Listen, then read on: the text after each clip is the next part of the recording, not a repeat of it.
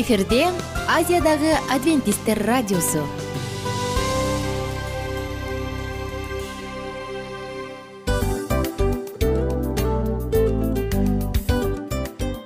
Достор салют. Баардык сүйүктүү угармандарыбызга салам айтабыз. Кутман күнүңүздөр менен.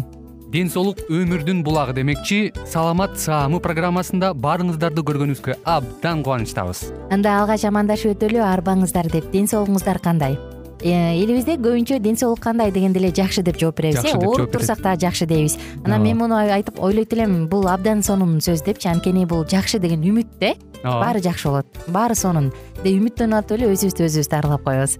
Анысы кандай? Сиздин дагы ден соолугуңуз жакшы беш деген үмүттөбүз чындыгында ден соолук бул өмүрдүн булагы деп бекеринен айтылган эмес деп ойлойм. Кыргыз элинде анткени эгерде ден соолук жок болсо анда адамдын жашоосунда калган баардык керектүү маңыздуу нерселер өзүнүн баалуулугун жоготуп коет. Ошондуктан ден соолук бул эң керектүү нерсе. Ооба туура айтасың кесиптешим. Чынында ден соолугуң жок бир эки үч күн ооруп калсаң эле э кандай болуп калат? Жашоодо көз каранды болуп каласың көп нерсеге жетишпей каласың көп нерсени кыла албай каласың жада калса эшикке дүкөнгө да чыга албай каласың. Туптуура анан ден соолук болсо демек биз биздин бактыбыз тотой деп койсок болот. Анда достор саламатсызбы рубрикабызды баштайлы алдыда өзүңүзгө керектүү болгон сонун кеңештерди уга аласыздар. Мына ошондуктан биз менен бирге болуңуздар. Ал эми биз болсо милан жана айнура. Кеттик алга. Алга саламат саама ден соолуктун жарчысы. Саламат саама ден соолуктун ачкычы. Күн сайын сиз үчүн мыкты кеңештер сонун жаңылыктар кызыктуу фактылар биздин рубрикада.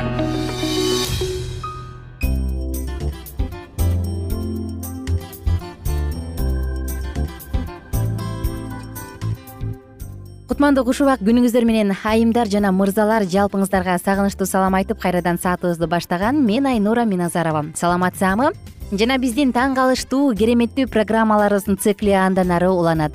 Бүгүнкү уктуруубузда дагы төшкө кам көрүү жөнүндө сөз кылмакчыбыз. Аял затынын төшү анын баланы эмизүүчү эң керектүү болгон биринчи орундагы органы. Ал анын аял затын сексуалдуу көргөзгөн орган жана ошондой эле аял затына мүнөздүү болгон эң кооз орган. Дал ушул орган тууралуу биз кененирээк сүйлөшүүбүздү улантабыз. Эсиңизде барбы достор? Мурунку уктуруулардын биринде мындай дегенбиз дүйнөдө жетимиш пайыз айымдардын айымдардын жетимиш пайызы өзүнүн төшүнүн размерине нааразы деп. Мына ошондуктан алар колдон келишинче чоңойткулары келет. Ар кандай хирургиялык операциялардын жолу мененби же капустанын жалбырагы мененби айтор кандай гана жол менен болбосун чоңойтконго аракет кылышат экен. Бирок капустанын жалбырагы дагы жана башка каражаттар дагы аны чоңойтконго жардам бербейт мурунку уктурууларыбызда айтылгандай контрасттык компресс душ муздак сууга түшүлгөн кайсы бир массаждын түрлөрү булар төштүн тонусун кармаганга жардам берет дегенбиз. Эгер сизге кызыктуу боло турган болсо мурунку уктурууларыбызды бир издеп таап алып угуңуз интернет булактарынан. Жана достор элестетип көрүңүздөр. Дүйнөнүн дүйнө боюнча ала турганда орточо эсеп менен күнүнө бир жыл ичинде эмес ушул учурда азыркы учурда аял затынын төрт миллионго жакынында төшү жасалма. Же болбосо өзүнүн төшү эмес хирургиялык жол менен пластикалык операция менен мамопластика менен жасалган экен. Төрт миллион аял затын алардын эки миллионун америка кошмо штаттарынын тургуну.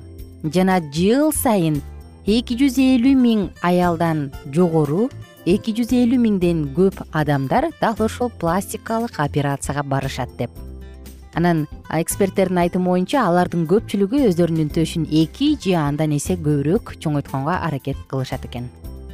Жана достор ушул имплантат жөнүндө айта турган болсок бир аз да болсо да тарыхын дагы бир жолу кайталап өтөлүк.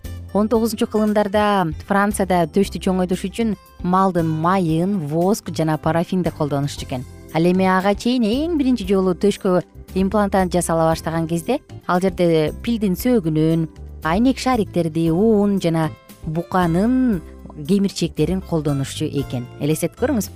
Жалпысынан эле ала турган болсок аял затынын төшү жыйырма бир жашка чейин чоңоет кыздардыкы. Кээ биреники андан эртерээк токтойт. Кээ биреники бир аз кечирээк токтойт. Бул дагы генетикадан көз каранды. Аял затынын төшү эмнеге бириники чоң бирине кичинекей? Бул дагы генетикадан көз каранды.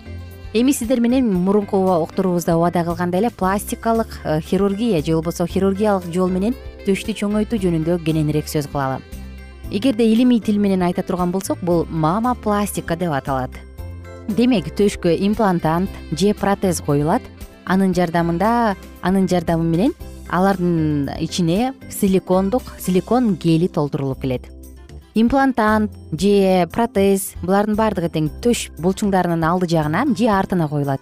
Бул вариант эки варианттын тең өздөрүнчө артыкчылыктары да бар жана кемчиликтери дагы бар кайсы бир учурда баягы адамдар тилекке каршы айымдардын кайсы бирлери рак оорусуна же болбосо сүт бездеринин рак оорусуна же ушул сыяктуу шишиктерден улам төшүн алдырганда кестиргенде бирөө чоң бирөө кичинекей болуп калат да. Мына ошондо ушундан алдын алышып ушундан баягы психикалык кемчилик болбош үчүн алар атайын барып анан төш салдырып келишет. Бул эми түшүнүктүү. А бирок кээ бирлери болсо жөн гана эстетикалык элестетүүлөрдөн улам жасатышат. Тагыраак айтканда алар төшүн жөн эле чоңойткусу келет эми достор макул.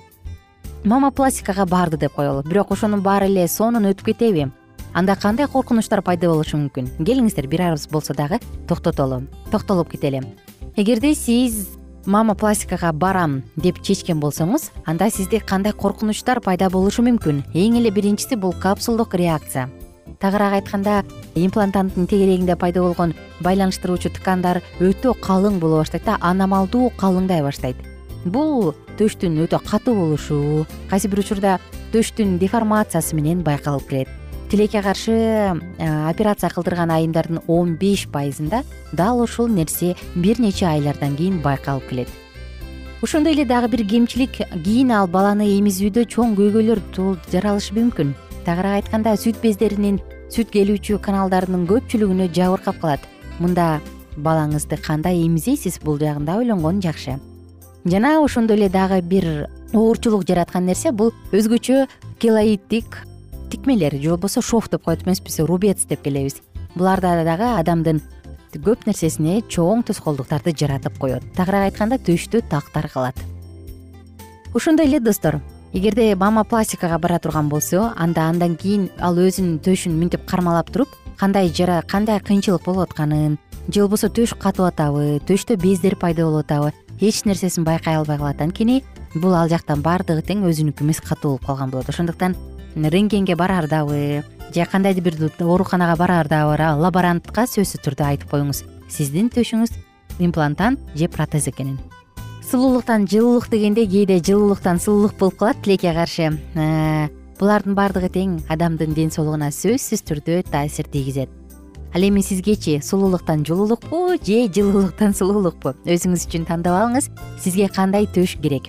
Эгерде сиз дагы болочокто балалуу болгуңуз келип турса эгерде сиз болочокто эне статусуна ээ болууну кааласаңыз анда балаңыз кантип эмейт? Ал жагын да ойлонуп койгонду унутпаңыз. Негизи эле төш бул эненин эмчеги бала менен байланыштыруучу эң сонун нерсе эмеспи. Сонун орган. Адамды жөн гана физикалык эле жактан эмес бала менен анын психологиялык жактан дагы ага мээримдүү жагынан дагы чоң байланыштыруучу эң мыкты белек десек жаңылышпайбыз. Достор чын эле талашсыз көптөгөн айымдар көптөгөн кыздар өзүн көбүрөөк сулуураак кылгысы келет. Бирок сөзсүз түрдө эле хирургиялык жолго барыш керекпи? Ушул эле чыгуу жолубу? Же башка ыкмалар барбы? Булардын баарын ойлонуп көрүңүз мурунку уктурубузда биз көптөгөн бир нече ыкмаларды айтып бергенбиз ошондуктан достор биздин биринчи эле кааларыбыз сулуулук эмес андан биринчиси ден соолук. Оорубаңыздар жалпыңыздарга кааларыбыз бекем ден соолук бар болуңуздар бай болуңуздар. Жана кайрадан амандашканча сак саламатта туруңуздар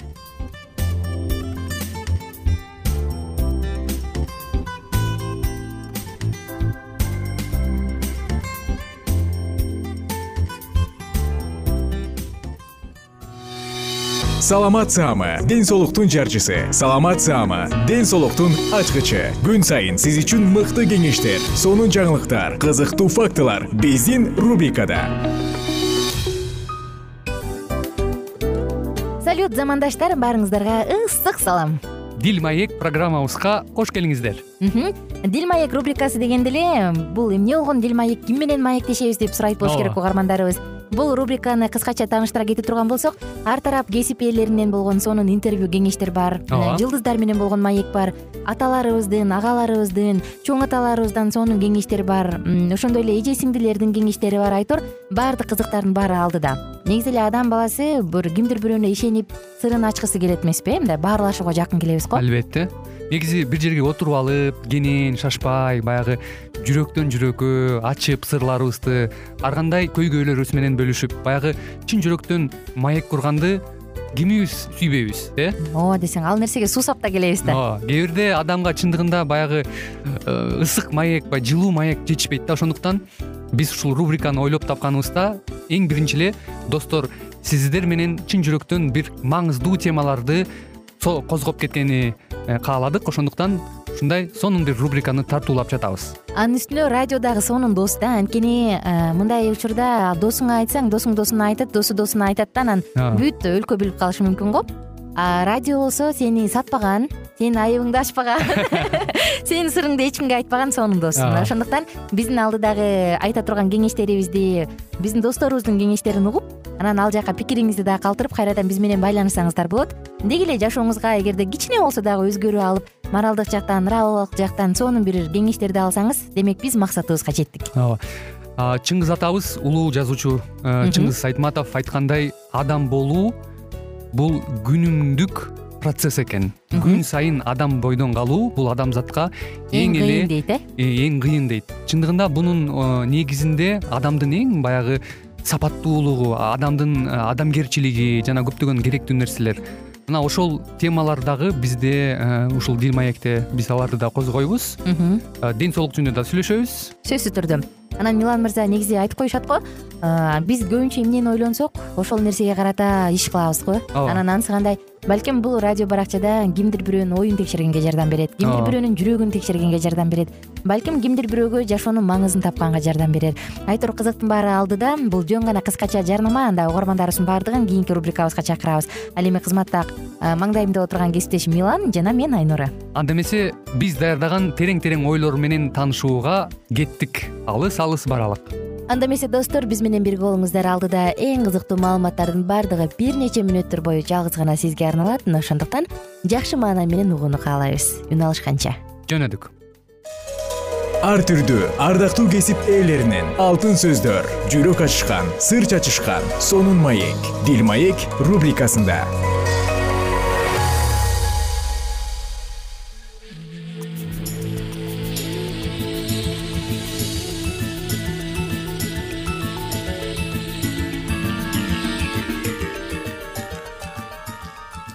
кутмандуу күнүңүздөр менен кымбаттуу радио угармандарыбыз кайрадан эле сиздердин назарыңыздарда бактылуу никенин баалуу эрежелери аттуу программабызды баштайбыз. Бүгүнкү программабыздын чыгарылышында кызматыңыздарда кайрадан эле мен улан бүгүнкү программабыздын чыгарылышында биз сиздер менен мырзалар үчүн адатта айымдар беш нерсе туурасында билүүлөрү зарыл экен. Анда эмесе ушул нерселерге көңүл буруп өтсөк.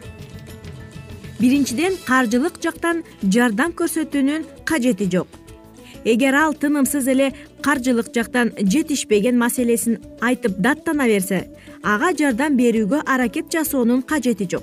Ошондой эле ага экинчи жумуш таап берүүгө да убада берип жана издебеңиз. Көпчүлүк айымдар дал ушундай жардам көрсөтүү менен кайра өздөрүнүн көңүлдөрүн мырзалар оорутуп стресске кабылышкан. Андыктан психолог адистери ушундай кеңеш берет экен мырзалар айымдарга караганда үч эсе күчтүү болгондуктан өзүнүн маселесин өзү чечүүгө кудурети жетет. Ал эми даттанган мырзалар болгону жалкоолор албетте мындай нерселер дагы сөзсүз түрдө коомчулукта көзгө урунган учурлар дагы бар бирок сөзсүз түрдө баягы аял менен эркектин ролу өзгөчө бири биринен айырмаланып тургандыктан демек адатта бул жакта жигиттер жигиттик милдетин кылса ал эми айымдар өзлөрүнүн ишин кылган абдан туура экен демек урматтуу угармандарыбыз сөзсүз түрдө бүгүнкү программабызда дагы сиздер дал ошол жаатта бир нече кеңештерибизге дагы орток болмокчусуздар. Андыктан биздин одон алыстабай биз менен бирге болуңуздар. Экинчиден кымбат белек берүүнүн зарылчылыгы жок. Бул тууралуу такыр ойлонбоңуз унутуңуз. Кайсы бир маанилүү даата үчүн же майрамдын урматына белек берүүнү кааласаңыз анда өзгөчө жагымдуу маанай жарата турган жеңил белек сатып бериңиз. Кымбат белек сатып берүү менен анын ой жүгүртүүсүн тескери жакка бузуп аласыз. Анткени кийинчерээк ал сизди өз кызыкчылыгы үчүн пайдалана баштайт. Ошондой эле ардактуу айымдар адатта мырзалардын көйгөйлөрүн угуп боору ооруп алардын муктаждыктарын чечкенге эч кандай кажет жок. Кээ бир мырзалар айымдарга даттанганды укмуш жакшы көрүшөт ал эми айымдар эгер анын көйгөйүн угуп боору ооруса мамиле тереңдеп жакшы нукка бурулат деп жаңылыш ой ойлоп алышат. Бирок мындай учур айымдарда болушу керек да. Айымдар даттанып мырзалар кунт коюп угуп боору оорушу керек. Ал эми чыныгы мырзалар эч качан көйгөйүн айтпайт. Айрыкча айымдарга себеби ал күчтүү болушу шарт. Көп даттанган мырзалар алдамчылыкка жакын келишет маселен сизге байкуш болуп көрүнгөнү менен башка айымдардын алдында өзүн баатыр сезип башкача көрсөтүшү толук ыктымал. Мындан сырткары дагы урматтуу айымдар сиздер кеңеш берип сунуш киргизбеңиздер. Кайсы бир маселе тууралуу кандай кылайын деп сураган жерде да жоопту өзүнө калтырыңыз. Кеңеш берүүнүн же сунуш киргизүүнүн кереги жок. Анткени анын жоопкерчилиги сизге түшөт. Андыктан мырзалар өздөрү чече билсин мына бул нерселерди эске алуу менен биргеликте дагы ардактуу айымдар сиздер ушул кеңештерди жашооңуздарда туура колдонгонго аракет кыла турган болсоңуз анда сиз анда сиз туура кадамга барган болот экенсиз. Ошондой эле дагы бир кеңешибиз менен бөлүшүп өтсөк адатта мырзаларга эргүү берүүгө аракет жасабай эле койгонуңуз жакшы. Көпчүлүк айымдар мырзаларга эргүү берүү үчүн керектүү кызыктуу китепти алдына коюп музыканы же сыналгыны үнүн бийик чыгарып коет. Бул мырзалардын кыжырына тиет. Андыктан мындай кылбаңыз. Өзүңүздүн акыл эсиңизди жөндөмдүүлүгүңүздү таңууласаңыз баардыгы тескери чыгышы ыктымал. Кээ бир мырзаларга акылдуу айымдар такыр жакпайт андыктан бул кеңештерди эсиңизге бекем түйүп алыңыз. Менин гана колуман келет. Мен гана жардам беришим керек деп мырзаңызга кол сунсаңыз ал түшкөн биринчи чуңкурдан. Куткарышыңыз мүмкүн бирок экинчисине кайра дароо эле түшүп кетет.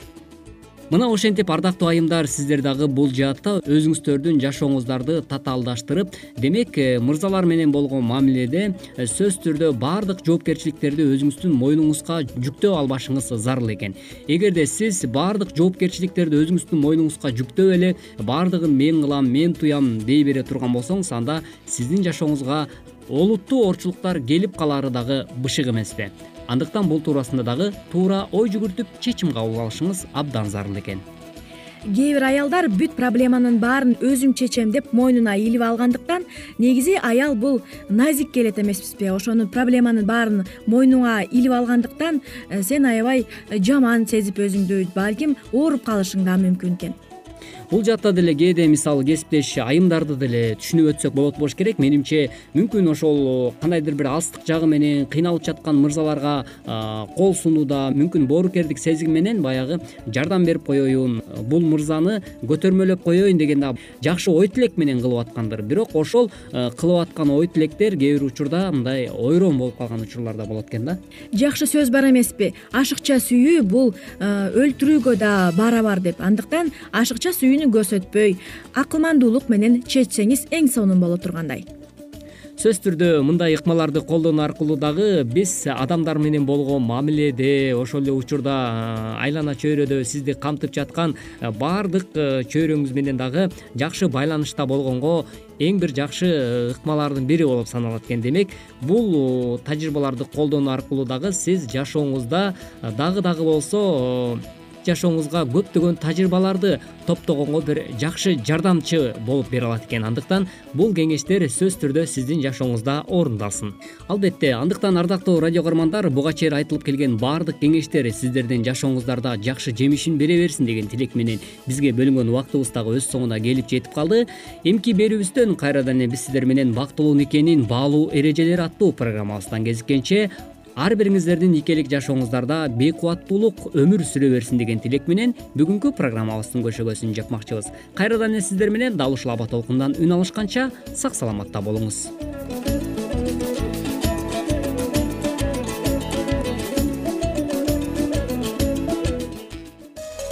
Ар түрдүү ардактуу кесип ээлеринен алтын сөздөр жүрөк ачышкан сыр чачышкан сонун маек дил маек рубрикасында.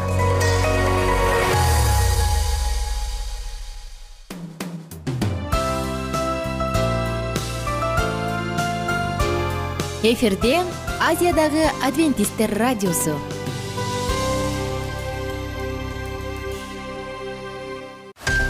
Жан дүйнөңдү байыткан жүрөгүңдү азыктанткан жашооңо маңыз тартуулаган жан азык рубрикасы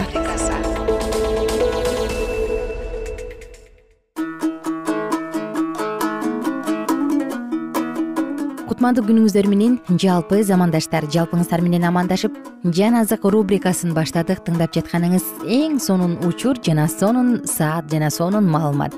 Сиздер менен бүгүн кайрадан куткарылуу тарыхы деп аталган тарыхый жана адамдын жашоосунда маанилүү ролду ойногон эң чоң тарыхты баяндоону андан ары улантабыз. Касиеттүү жай. Касиеттүү жай кудайдын буйругу боюнча тургузулду бул чебер ишти аткарууда кудай өзгөчө адамдарды тандап алган жана аларга жөндөмдүүлүктөрдү берген. Бул курула турган касиеттүү жай кандай боло турганын жана ага кандай каражаттар талап кылынаарын муса пайгамбар дагы бул адамдар дагы билген эмес. Кудай теңир өзү тургузула турган касиеттүү жайдын түзүлүшүн анын жасалгалары кандай болорун кандай каражаттар талап кылына тургандыгын муса пайгамбарга айтып тапшырды. Теңир муса пайгамбарга асмандагы касиеттүү жайдын үлгүсүн көргөзүп ошол тоодо көргөзгөн үлгү боюнча баарын жасашы керектигин айтат. Муса пайгамбар айтылган нерселердин бардыгын жазып алып аны эл билге адамдардын алдында окуп берди. Жана теңир алардын арасында жашаш үчүн касиеттүү жай курууга элдер алы жетишинче каражат алып келүүлөрүнө буйрук берет. Жана ысрайыл уулдарынын бүт жамааты мусадан тарап кетишти. Жана кимдин жүрөгү тартса бардыгы келишти да кимдин көңүлү жапса бардыгы тартуусун беришти. Жыйын ордосун орнотуш үчүн анын бардык керектүүсү үчүн жана касиеттүү кийимдер үчүн теңирге багыштап белектерин алып келишти. Бардыгы жүрөгүнүн буйругу менен шакектерин сыргаларын оймокторун чынчырларын жана ар кандай алтын буюмдарын теңирге атап беришти. Касиеттүү жай курууга сейрек кездеше турган кымбат баалуу каражаттар талап кылынган. Бирок теңир элдердин өз жүрөгү менен алып келген тартууларын гана кабыл алды. Кудайдын ишине өзүн арноо жана берешендик кудай жашай турган жайга мына ушулар гана керек болгон. Касиеттүү жай курула баштаганда элдер аркылуу алынып келип жаткан каражаттарды муса пайгамбар ишенимдүү адамдарга табыштаганда алар алынып келген каражаттардын жетишээрлик болуп калгандыгын айтышат. Ошондо муса буйрук берди да ал кошуунда жарыяланды. Эркектер да аялдар да касиеттүү жайга эми эч нерсе алып келбесин аракет кылбасын деди. Эл алып келүүнү токтотту келечектеги муун үчүн жазылган. Ысрайыл элинин тынымсыз наалып зарлай бериши жана алардын мыйзамдарды бузгандыгы үчүн берилген кудайдын жазалары кудай элинин мыйзам китебинде келечектеги муундарга өзгөчө акыркы мезгилде жашаган адамдарга сабак катары жазылып калтырылган. Ысрайыл уулдарынын касиеттүү жайды кургандагы жоомарттыгы ишенимдүүлүктөрү жана тырышчаактыктары дагы кудай элине өрнөк катары жазылып калтырылды. Алардын касиеттүү жайды кургандагы аракеттери өз кудайына сыйынууга келген адамдардын бардыгы үчүн айкын өрнөк болуп кала берет. Кудайга орун даярдап жана андан бата алууну баалаган адамдар асманда жердеги шарттуулукка караганда асмандак жакшы сапаттар көбүрөөк бааланаарын билиши керек. Алар кудай үчүн үй даярдап жатышкандыгын түшүнүүлөрү зарыл. Ошондуктан кудайдын өз уулдары менен жолугуша турган жайы камкордук менен даярдалынышы керек. Имараттын өзү шарттуу таза жана жайлуу болсун анткени ал кудайга арналган касиеттүү жай. Ар дайым кудайдан ушул касиеттүү жайды өзүңдүн даңкың менен ыйыкта деп сурап туруу зарыл кудайдын ишине керектүү болгон каражаттар ар адамдын эрки менен алынып келсин. Жана касиеттүү жайда эмгектенген адамдар эми тартуу алып келгениңерди токтоткула деп айта тургандай болсун. Көрсөтүлгөн үлгүдөй. Качан касиеттүү жайдын курулушу бүткөндө муса пайгамбар аны толугу менен текшерип чыкты жана кудай аркылуу берилген үлгү менен салыштырды. Жана майда баратына чейин ошол үлгүгө шайкеш келет. Ошондо муса пайгамбар элге ак батасын берген. Кудай муса пайгамбарга мыйзам сандыкты кандай даярдоо керек экендигин түшүндүргөн. Бул мыйзам сандык кудай өз колу менен жазган он осуятты сактаганга керек эле. Ал сандык сыяктуу жасалып ичи сырты алтын менен капталган жана анын тегереги алтын таажы менен курчалган. Бул сандыктын капкагы таза алтындан болуп ырайымдын тактысы катары орнотулган капкактын ар бир бурчунда алтындан жасалган периштелердин сүлөкөтү бар. Алардын жүзү бири бирин карап тургандай ал эми алардын көздөрү момундук менен ырайым тактысына бурулган. Алар кудайдын мыйзамын момундук менен карап асмандагы касиеттүү жайдагы турушкан асман периштелерин билдирген. Периштелердин канаты болгон. Ар бир периштенин бир канаты асманга көтөрүлүп турса экинчи канаты өздөрүн калкалап турду жерде жасалган мыйзам сандык асмандагы он осуяттын үлгүсү эле. Асманда жердегидей жасалма эмес бирок тирүү периштелер бир канатын асманга көтөрүп ал эми экинчи канаты менен өздөрүн калкалап турушат. Бул алардын момундугун жана кудайды кастарлап тургандыгын көргөзөт. Кудай теңир муса пайгамбарга таш лоокторду мыйзам сандыктын ичинде сактоону буйруду. Ал таш лооктор осуят лооктору деп аталып ал эми сандык болсо осуят сандык деп аталган. Анткени анын ичинде кудай он осуятта билдирген осуяттын эрки ачылып турган. Касиеттүү жайдын эки бөлүмү. Касиеттүү чатыр ортосу көшөгө менен бөлүнгөн эки бөлүктөн турган. Касиеттүү чатырдын ичиндеги бардык буюмдар таза алтындан жасалган же алтын менен капталган. Касиеттүү чатырды бөлүп турган көшөгөлөр ар түстөгү жиптер менен токулуп алардын арасына алтындан чыйратылган жиптер менен периштелердин сүлөкөтү түшүрүлгөн. Алар асмандагы касиеттүү жайда кызмат кылышкан жана жерде кудайдын уулдарын кайтарып турушкан асман периштелерин билдирип турган. Кооздолгон кымбат экинчи көшөгөнүн артында мыйзам сандык жайгаштырылды.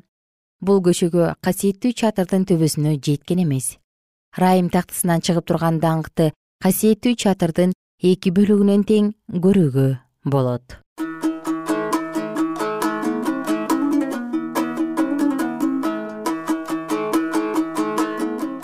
кымбаттуу угарман мынакей жалпыңыздар менен бүгүн дагы куткарылуу тарыхы деп аталган китептен эң сонун үзүндүлөрдү окуп өттүк. Бул да тарых бул да болгон окуя жана бул да сөзсүз түрдө чындык.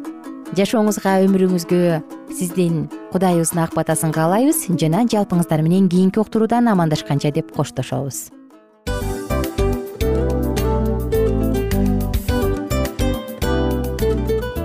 достор биздин радио баракчаларыбыз соңуна келди. Демек бул программабызды дагы жыйынтыктаочу учуркелдик учурга келдик. Анан кесиптешимден сурагым келип турат. Негизи эле иштин башталып атканы кубандырабы сени же жыйынтыгы кубандырабы?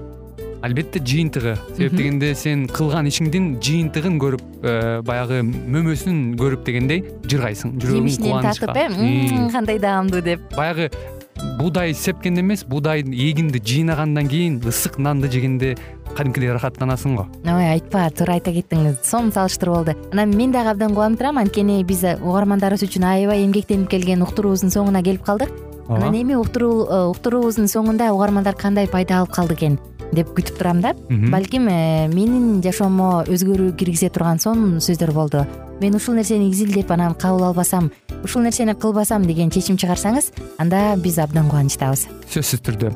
Андыктан кийинки биздин кызыктуу уктурууларыбыздан көрүшкөнчө сак саламатта калыңыздар. Чыдамсыздык менен сиздерди мен милан жана кесиптешим айнура күтөбүз баардык угармандарыбызга ийгиликтүү күн каалайбыз. Качан гана болбосун уртуңуздан жылмаюу кетпесин үйүңүздө көмүр жүрөгүңүздө көңүл болсун дейли